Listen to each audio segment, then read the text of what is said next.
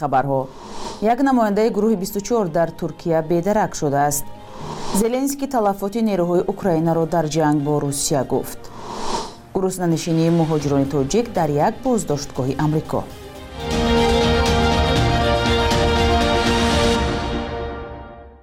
салом бинандаҳои азиз умедворам хубед ва навиди бомдодиро тамошо доред ки аз душанбе тақдиматон мешавад. Имрӯз 26 феврал аст. Як намояндаи гурӯҳи 24 созмони сиёсии фаъолияташ мамнӯъ дар тоҷикистон ҷаҳо рӯз боз дар шаҳри истамбули туркия бедарак аст. Масъулони созмон гуфтанд насимҷон шарифофи 39 сола субҳи 23 феврал аз ҷои зисташ ба берун баромад ва бо ҳамин тамос бо ӯ қатъ шуд. Туркия макони зисти гурӯҳе аз мухолифони ҳукумати тоҷикистон аст. Мақомоти он кишвар дар гузашта чанде аз фаъолони гурӯҳи 24ро бо дархости душанбе дастгир вале дертар раҳо карданд. Насимҷон шарифов ки аз соли 2015 дар туркия зиндагӣ дорад дасти кам се бор дастгиру озод шудааст. Ӯ соли 2018 беш аз ду моҳро дар боздоштгоҳ гузаронд. Маълум нест ин дафъа низ дастгир шудааст ё мушкили дигаре вуҷуд дорад. Насимҷон шарифов дар гӯшае аз туркия ба таври қонунӣ мезист аммо муваққатан барои даҳ рӯз ба истанбул омада буд. Мақомоти туркия то ҳол ҳанӯз дар бораи сарнавишти ин фаъоли мухолифони тоҷик хабар надоданд. Ҷониби тоҷикистон ҳам ба иддаои рабуда шудани ӯ вокуниш накардааст президенти украина бори аввал талафоти нерӯҳои кишварашро дар ҷанг бо русия эълон кард. Владимир зеленский рӯзи 25 феврали имсол дар нишасти матбуотӣ гуфт 31 ҳазор сарбози украинӣ ҳангоми дифоъ аз хоки худ ба ҳалокат расиданд ин омор қурбонiyonро дар миёни мардуми осоишта дар бар намегирад. Раиси ҷумҳури украина инчунин теъдоди сарбозони захмӣ ва бедаракшударо нагуфт сергей шойгу вазири дифои русия дар моҳи декабри соли 2023 гуфт ки 383 ҳазор сарбозу афсари украина кушта ва захмӣ шуданд. Зеленский рӯзи якшанбе талафоти русияро дар ҷанг 500 ҳазор нафар баршумурд. Москав талафоти нерӯҳояшро дар ҷанги бедалелаш дар украина фош намекунад як гурӯҳ аз рӯзноманигорони бахши русии bbc медиазона ва ихтиёриён. Дар солгарди дуввуми ҳамлаи москав ба хоки украина номи беш аз 45 ҳазор нерӯи кушташудаи русияро ҷамъ оварданд. Зимнан субҳи 24 феврали соли 2022 русия ба хоки украина ҳамла кард ва ин ҷанг то ҳол давом дорад. Шаҳру деҳоти зиёд хароб ҳазорҳо нафар куштаву захмӣ шуданд. Дар рӯзи дуввумин солгарди ҳамлаи русия ба украина ва бо ибтикори сафорати украина дар душанбе ва намояндагии иттиҳоди аврупо дар тоҷикистон намоиши аксҳо аз ин ҷанг доир шуд. Ҳамкорони мо барод юсуфӣ ва искандари фирӯз ҳам дар ин чорабинӣ ширкат доштанд ва гузорише ҳам таҳия карданд ки ҳамроҳ мебинем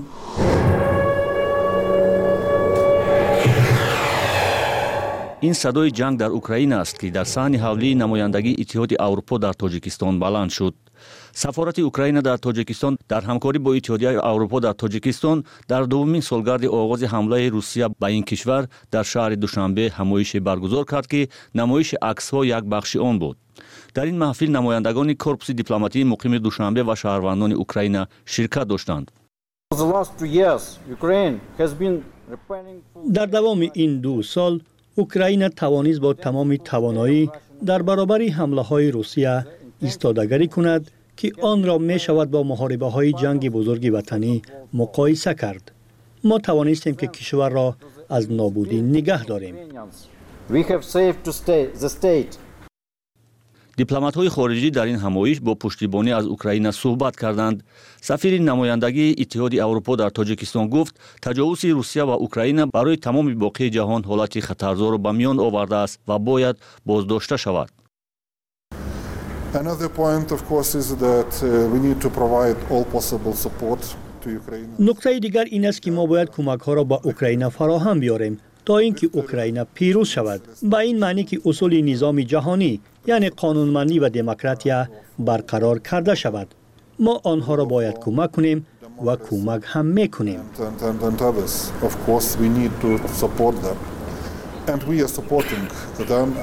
Сафири иёлоти муттаҳидаи амрико дар тоҷикистон мануэл микалер ба давом ёфтани пуштибонии кишвараш аз украина дар муқовимати он бо зӯроварии русия таъкид дошт ва гуфт мардуми украина садоқати худро ба сулҳ ва амнияти дастаҷамъӣ бо гузоштани гоми бесобиқаи таърихӣ даст кашидан аз мероси ҳастаии шӯравии худ нишон доданд. Хочу подчеркнуть что наша борьба не с русским народом а с той диктатурой میخواهم تاکید کنم که مبارزه ما ضد مردم روسیه نیست بلکه ضد مقامات خودکامه این کشور است ما از آنکه روسیگی ها از ژورنالیستان و مادران گرفته تا معلمان مکتب و پزشکان که ضد جنگ و با طلب صلح به کوچه ها برآمده خود را زیر خطر میگذارند استقبال میکنیم заканчивая школьными учителями и врачами, подвергая себя самому большему риску. Соли гузашта низ дар ҳамин рӯз дар ҳавлии сафорати иттиҳоди аврупо дар душанбе чунин намоишгоҳи аксҳои ҷанг дар украина баргузор шуда буд чӣ он вақт ва чӣ имсол низ намояндагони ҳукумати тоҷикистон ва сафирони кишварҳои пасошӯравӣ дар ин ҳамоиш ҳузур надоштанд ҳамлаи русия ба украина 24 феврали соли 2022 оғоз шудааст. Дар ин ду сол садҳо ҳазор нафар аз ду ҷониб қурбон шуда аксари шаҳрҳои украина ба харобазор табдил гаштаанд кишварҳои ғарб ба украина кӯмак мекунанд то дар баробари русия шикаст нахӯрад. Талошҳои сулҳро шартгузориҳои ду тараф то ҳол ноком кардааст. Бинандаҳои азиз агар шумо ҳам назару пешниҳоде доред зери ҳамин видео ба мо нависед. Як гурӯҳ муҳоҷирони тоҷик дар боздоштгоҳи вини иёлоти луизианаи амрико ба нишони эътироз аз будубоши тӯлонӣ дар ҳабс ва шароити нигаҳдорӣ гуруснанишинӣ карданд. Гуруснанишинӣ беш аз даҳ рӯз идома кардааст аммо ба гуфтаи муҳоҷирон натиҷае надод. Ду нафар аз муҳоҷирони тоҷикӣ бо нияти дарёфти паноҳандагӣ аз марзи мексика ба амрико расиданд рӯзи 23 феврал дар суҳбат ба радиои озодӣ гуфтанд дар боздоштгоҳи вини луизиана наздик ба сад тоҷик нигаҳдорӣ мешавад ки аксарияташон шаҳрвандии русияро ҳам доранд. Онҳо нахостанд номашон бурда шавад чун аз амрико дархости паноҳандагӣ карданд ва парвандаашон дар ҳоли баррасӣ шудан аст. Шиносномаи русӣ ба муҳоҷирон имкон медиҳад ки бе виза ба мексика раванд ва аз он ҷо вориди амрико шуда худро ба мақомот таслим кунанд. Ба нақли муҳоҷироне ки дар ин боздоштгоҳҳоанд бисёре аз муҳоҷирони тоҷик аз чор то шаш моҳ дар ин ҷо мунтазири мурофиаи додгоҳӣ ҳастанд. Дар маъмурияти боздоштгоҳи вини луизиана дар як тамоси телефонӣ бо радиои озодӣ дар бораи гуруснанишинии муҳоҷирон шарҳе надоданд шумораи дақиқи муҳоҷирони тоҷике ки аз ин боздоштгоҳ ихроҷ шуданд дақиқ нест. Дар пайи ҳамлаи бабри барфӣ дар ноҳияи рӯшқалъаи вилояти мухтори кӯҳистони бадахшон 18 сар чорвои сокинон кушта шудааст. Кумитаи ҳолатҳои фавқулодаи тоҷикистон хабар дод ки ҳодиса дар деҳаи табарсем субҳи 22 феврал рух додааст. Ин кумита ба сокинон машварат додааст ки барои ҳифзи чорвоёни худ аз ҳамлаи бабри барфӣ онҳоро беназорат нагузоранд ё оғилҳоро бо панҷараҳои мустаҳкам банданд.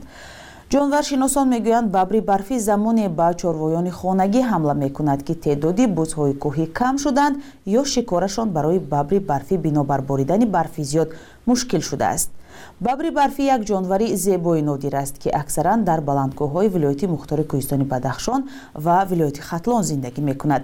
Теъдоди онҳоро аз 200 то 500 сар ҳисоб кардаанд бахши якрӯзи таърихро ҳамкорам хиромон бақозода тақдиматон мекунад ки муҳимтарин таҳаввулоти таърихии 26 февралро фаро мегирад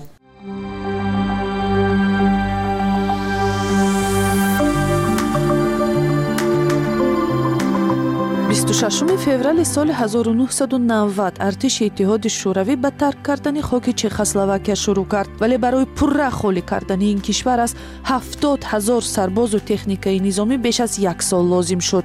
Артиши шӯравӣ ки барои саркӯби эътирозҳои зидди коммунистӣ дар прага соли 1968 гӯё муваққатӣ ба чехословакия даромад дар 22 соли ҳузураш дар ин ҷо аз тарафи бисёриҳо нирӯи ишғолгар арзёбӣ мешуд дар авҷи ҷанги шаҳрвандии тоҷикистон 26 феврали соли 1995 интихоботи маҷлиси олии тоҷикистон баргузор шуд ки бар асоси натиҷаҳояш онро парлумони боевикҳо ҳам меноманд чун ба узвияти маҷлис чандин фармондеҳи фронти халқӣ ва зургӯҳо шомил шуда. Умури парлумонро дар даст доштанд парлумони нав 176 вакил дошту си нафараш ҷангсолороне мисли ғаффор мирзоев қурбон ва султон чолуфҳо ёқуб салимов хуҷа каримов суҳроб қосимов ва дигарҳо буданд ки баъдан аксарашон зиндонӣ шуданд барканории ҷангсолоронро яке аз хидмат ва дастовардҳои президент эмомалӣ раҳмон меноманд 26 феврали соли 1969 зодрӯзи зебо давлатшоева як рассоми манзаранигори тоҷик аст. Наққошиҳои ӯ бо илҳом аз табиати зебои тоҷикистон гирифта шуда чеҳраҳои зани суннатии тоҷик муҳити деҳот ва кӯҳҳои баланд аз шеваи наққошии ошнои давлатшоева гуфта мешавад. Намунаҳои осори давлатшоеваро дар осорхонаҳои тоҷикистон ва ҳам китобҳои бачагона дидан мумкин аст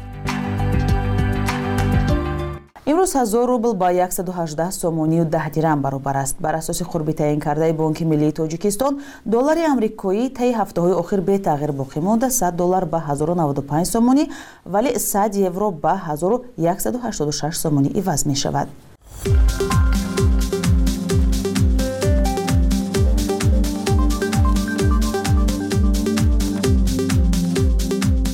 бинандаҳои азиз шумо навиди бомдодиро бо охирин хабарҳо тамошо кардед. Назару пешниҳоди худро ба мо нависед. То фардо худо нигаҳдор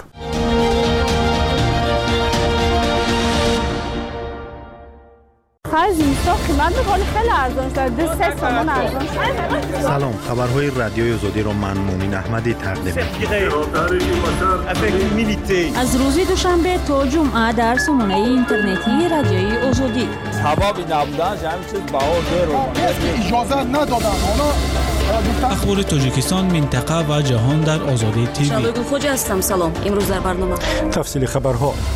این شکل صورت خواهد گرفت. www.azadi.org سلام شنوندگان گرامی من میرزان به خالقزاد در استودی هستم و خبرهای تازه جهان تاجیکستان و منطقه را تقدیم شما می کنم президенти украина бори аввал талафоти нирӯҳои кишварашро дар ҷанг бо русия эълом кард владимир зеленский рӯзи 25 феврали имсол дар нишасти матбуотӣ гуфт 31 ҳазор сарбози украинӣ ҳангоми дифоъ аз хоки худ ба ҳалокат расиданд ин омор қурбониёнро дар миёни мардуми осоишта дар бар намегиранд. Раиси ҷумҳурии украина инчунин теъдоди сарбозони захмӣ ва бедарахшударо нагуфт.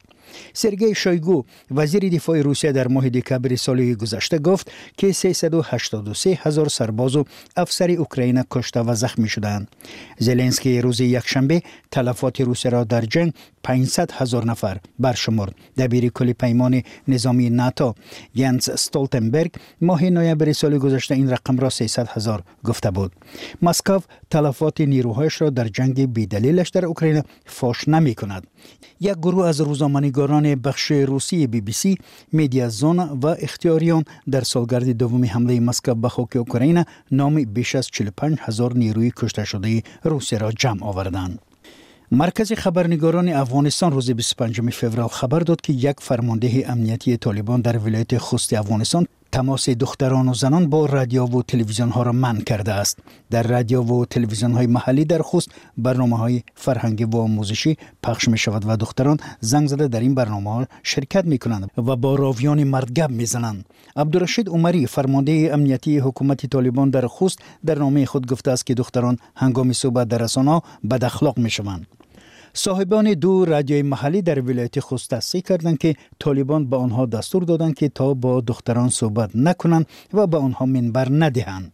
بر اساس نامه که نسخه آن را مرکز روزنامه‌نگاران افغانستان در تارنمای خود چاپ کرده است نه تنها به زنان و دختران اجازه داده نمی شود که طریق تلفن در برنامه های رادیو و تلویزیون صحبت کنند بلکه حرف آنها را نیز نباید خطی کسی در برنامه ها بخواند.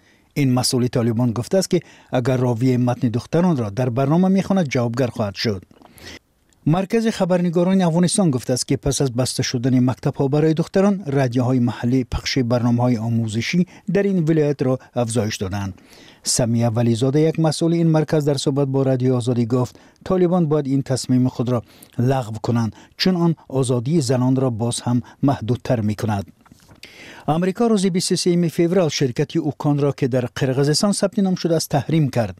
با اطلاع وزارت عدلیه قرغزستان اوکان ماه اوگوست سال 2022 تاسیس یافته. یگان مؤسسی او ایالات متحده امریکا قبلا ضد شرکت های قرغزستان تحریم جاری کرده است. از جمله شرکت وایتمن هندل الیانس ماه دکبر سال گذشته تحت تحریم قرار گرفت و وزارت مالیه امریکا گفت این شرکت به روسیه صدها دستگاه کارکرد معلومات و دستگاه حفظ اطلاع صادر کرده است. کمیته امنیت ملی قرقیزستان در پی تحریم شدن شرکت های این کشور گفت تفتیشات را آغاز کرده است. با گفته مسئولین کمیته احتمال تحریم های امریکا را شرکت های خصوصی نقص کرده باشند.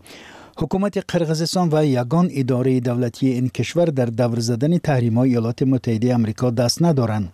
پرزیدنت قرغزستان صادر جباروف ماه اوگوست سال 2023 اظهار داشت که بیشکک در دور زدن تحریم ها به مسکو کمک نمی کند و چین و روسیه نیز از کشورهای خرد وابستگی ندارند. پرزیدنت ازبکستان شفقت میرزویف چندی قبل فرمان درباره تجلیل 300 سالگی شاعر و متفکر ترکمن مخدوم قلی فراقی را امضا کرده است همصحبتان بخش ازبکی رادیو آزادی گفتند نمایندگان زیایان ترکمن اظهار منداری کردند که رئیس جمهور ازبکستان در فرمان خود به اهمیت فراقی نه تنها همچون متفکر و شاعر بزرگ ترکمن بلکه همچون مؤلف برجسته اثرهای ارزشمند و نزدیک به هر یک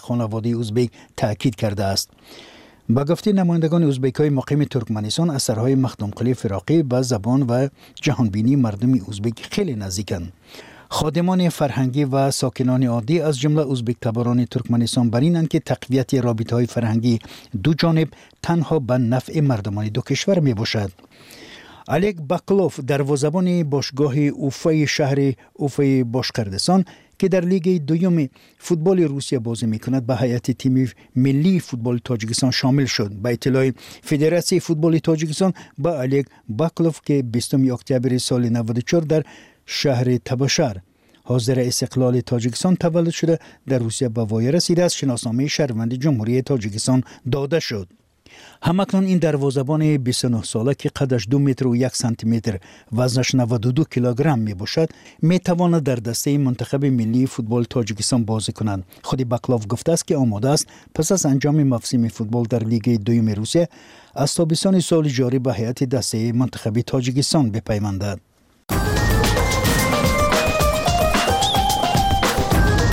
Андешаву назари худро ба радиои озодӣ ирсол намоед. e-mailimo tajik@rfrl.org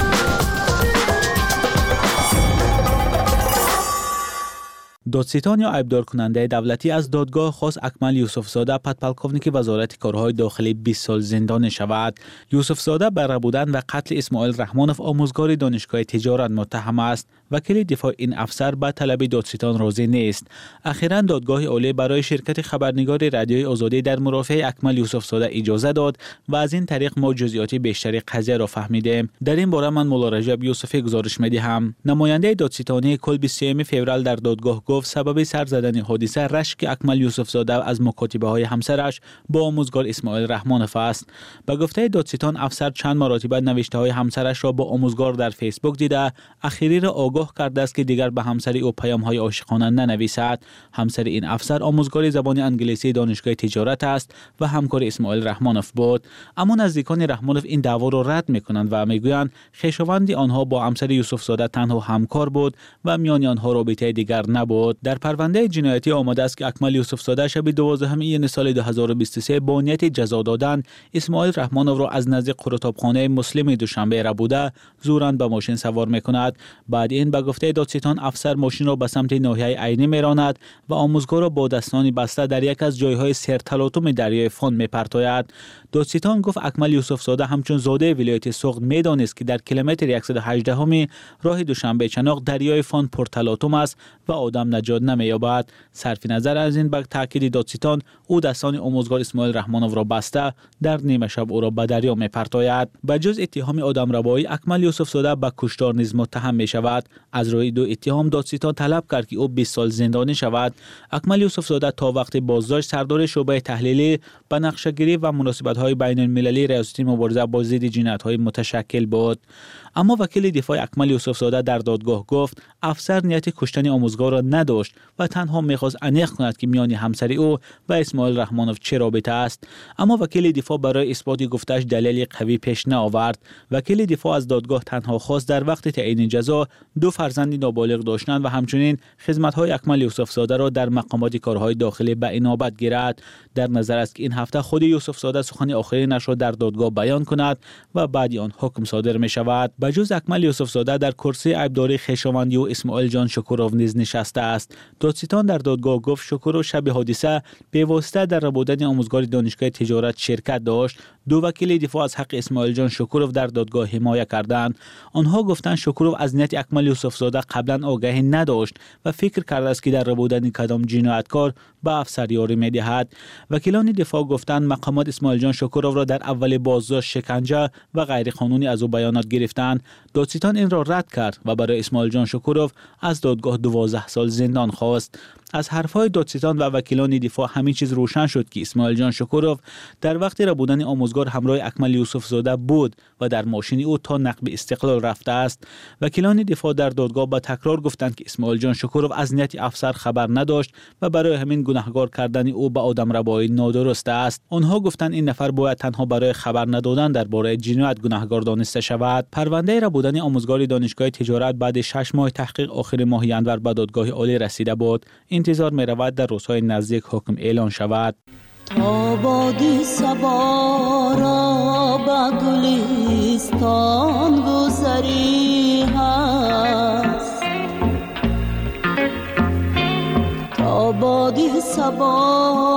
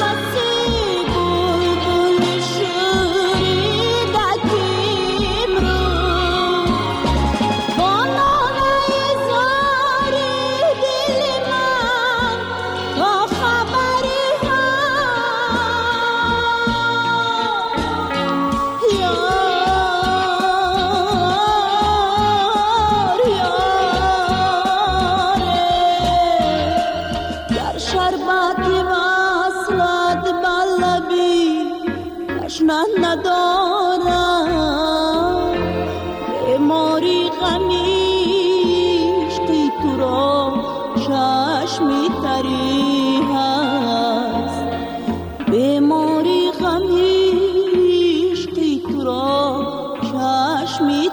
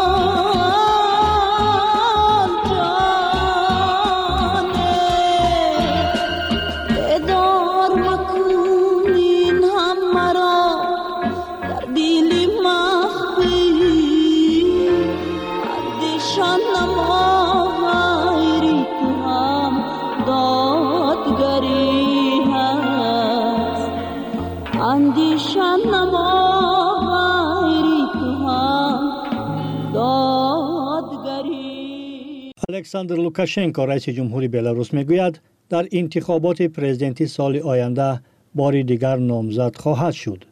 تفصیلات موضوع را در این گزارش از من محمد و فاریزا زاده بشنوید.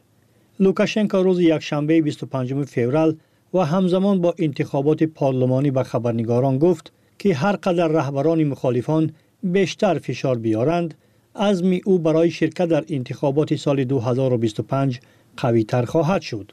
لوکاشنکو که امسال 70 ساله می شود سی سال باز با مشت آهنین حکومت را اداره می کند و مهمترین متحد ولادیمیر پوتین رئیس جمهوری روسیه در اروپا است. بخش از نیروهای روسی در فوریه سال 2022 حمله به اوکراین را از خاک بلاروس آغاز کردند و باقی مانده مزدوران شرکت خصوصی نظامی واگنر در بلاروس حضور دارند. اشتراک می‌کنم به آنها بگوید که اشتراک می‌کنم. پاسخ داد از لوکاشنکو به سؤال درباره آنکه آیا او در انتخابات پرزیدنتی نوبتی بلاروس اشتراک خواهد کرد یا نه. منظور او از آنها مخالفان بلاروس بود که در خارج به سر می‌برند. سرکوب گسترده اعتراضگران به نتیجه های انتخابات پرزیدنتی سال 2020 با واکنش غرب روبرو شد و تحریم های گسترده علیه سببگاران سرکوب ها جاری کردند. الکساندر لوکاشنکو همچنین روز یکشنبه دوباره کشورهای غربی را به تلاش برای بی‌ثبات کردن بلاروس متهم کرد. او روز سهشنبه گذشته نیز به ایرای سند ادعا کرده بود که کشورهای غربی در حال بررسی برنامه برای تبادل در کشور یا تلاش برای به دست گرفتن قدرت از طریق زور هستند. انتخابات پارلمانی این کشور روز یکشنبه برگزار شد و مخالفان آن را تحریم کردند. در این انتخابات نامزدهای چهار حزب طرفدار لوکاشنکا رقابت کردند. سویتلانا تیخانوفسکایا رهبر مخالفان و رقیب لوکاشنکا در انتخابات پرزیدنتی سال 2020 که در خارج به سر می‌برد از مردم خواست در انتخابات پارلمانی رأی ندهند وی در پیام ویدیویی در روز انتخابات گفت هیچ نامزدی وجود ندارد که بتواند تغییرات واقعی ایجاد کند چون رژیم تنها به حزبهای طرفدار لوکاشنکو اجازت داده است که در رقابتها حضور داشته باشند. من مردم را به تحریم این نمایشنامه مسخره و بی‌معنا و توجه نکردن به آن دعوت می‌کنم. افزود سویتلانا تیخانوفسکایا در انتخابات پرزیدنتی چهار سال پیش بیش از 35 هزار اعتراضگر بازداشت و رسانه های منتقید کاملا بسته شدند. همکنون بیش از 1400 زندانی سیاسی در بلاروس وجود دارد. از جمله الیس پلیانسکی یکی از رهبران شناخته مخالفان و برنده جایزه نوبل. شاهد حادثه شدید منظره جالبی را دیدید و یا خبری مهم شنیدید؟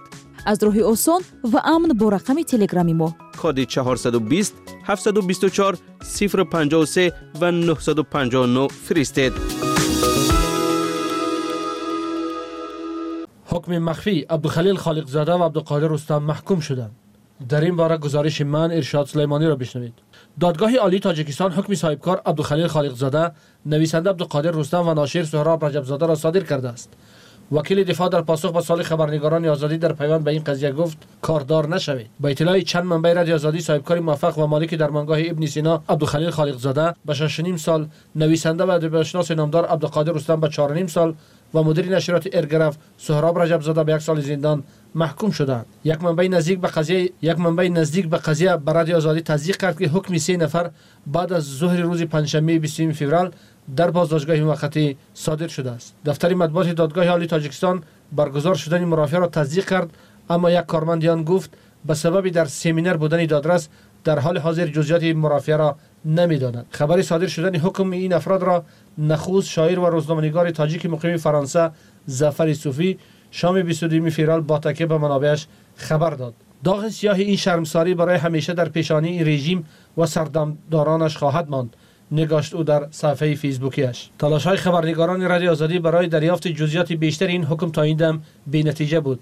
پیوندان عبدالخلیل خالقزاده عبدالقادر رستم سهراب رجب زاده و همچنین وکیل دفاع آنها صحبت با رسانه ها خودداری کردند. معلوم نیست آنها برای بازبینی حکم تلاش خواهند کرد یا نی. شاکرجان حکیم حقوق شناس تاجیک این حکم را با نظر داشت فعالیت محکوم شدگان خیلی سنگین دانید. با در نظر داشت ویژگی های فعالیت اینها یعنی رستم عبدالقادر و برادرای دیگر چهار نیم سال و شش نیم سال محروم کردن از آزادی خیلی سنگین است.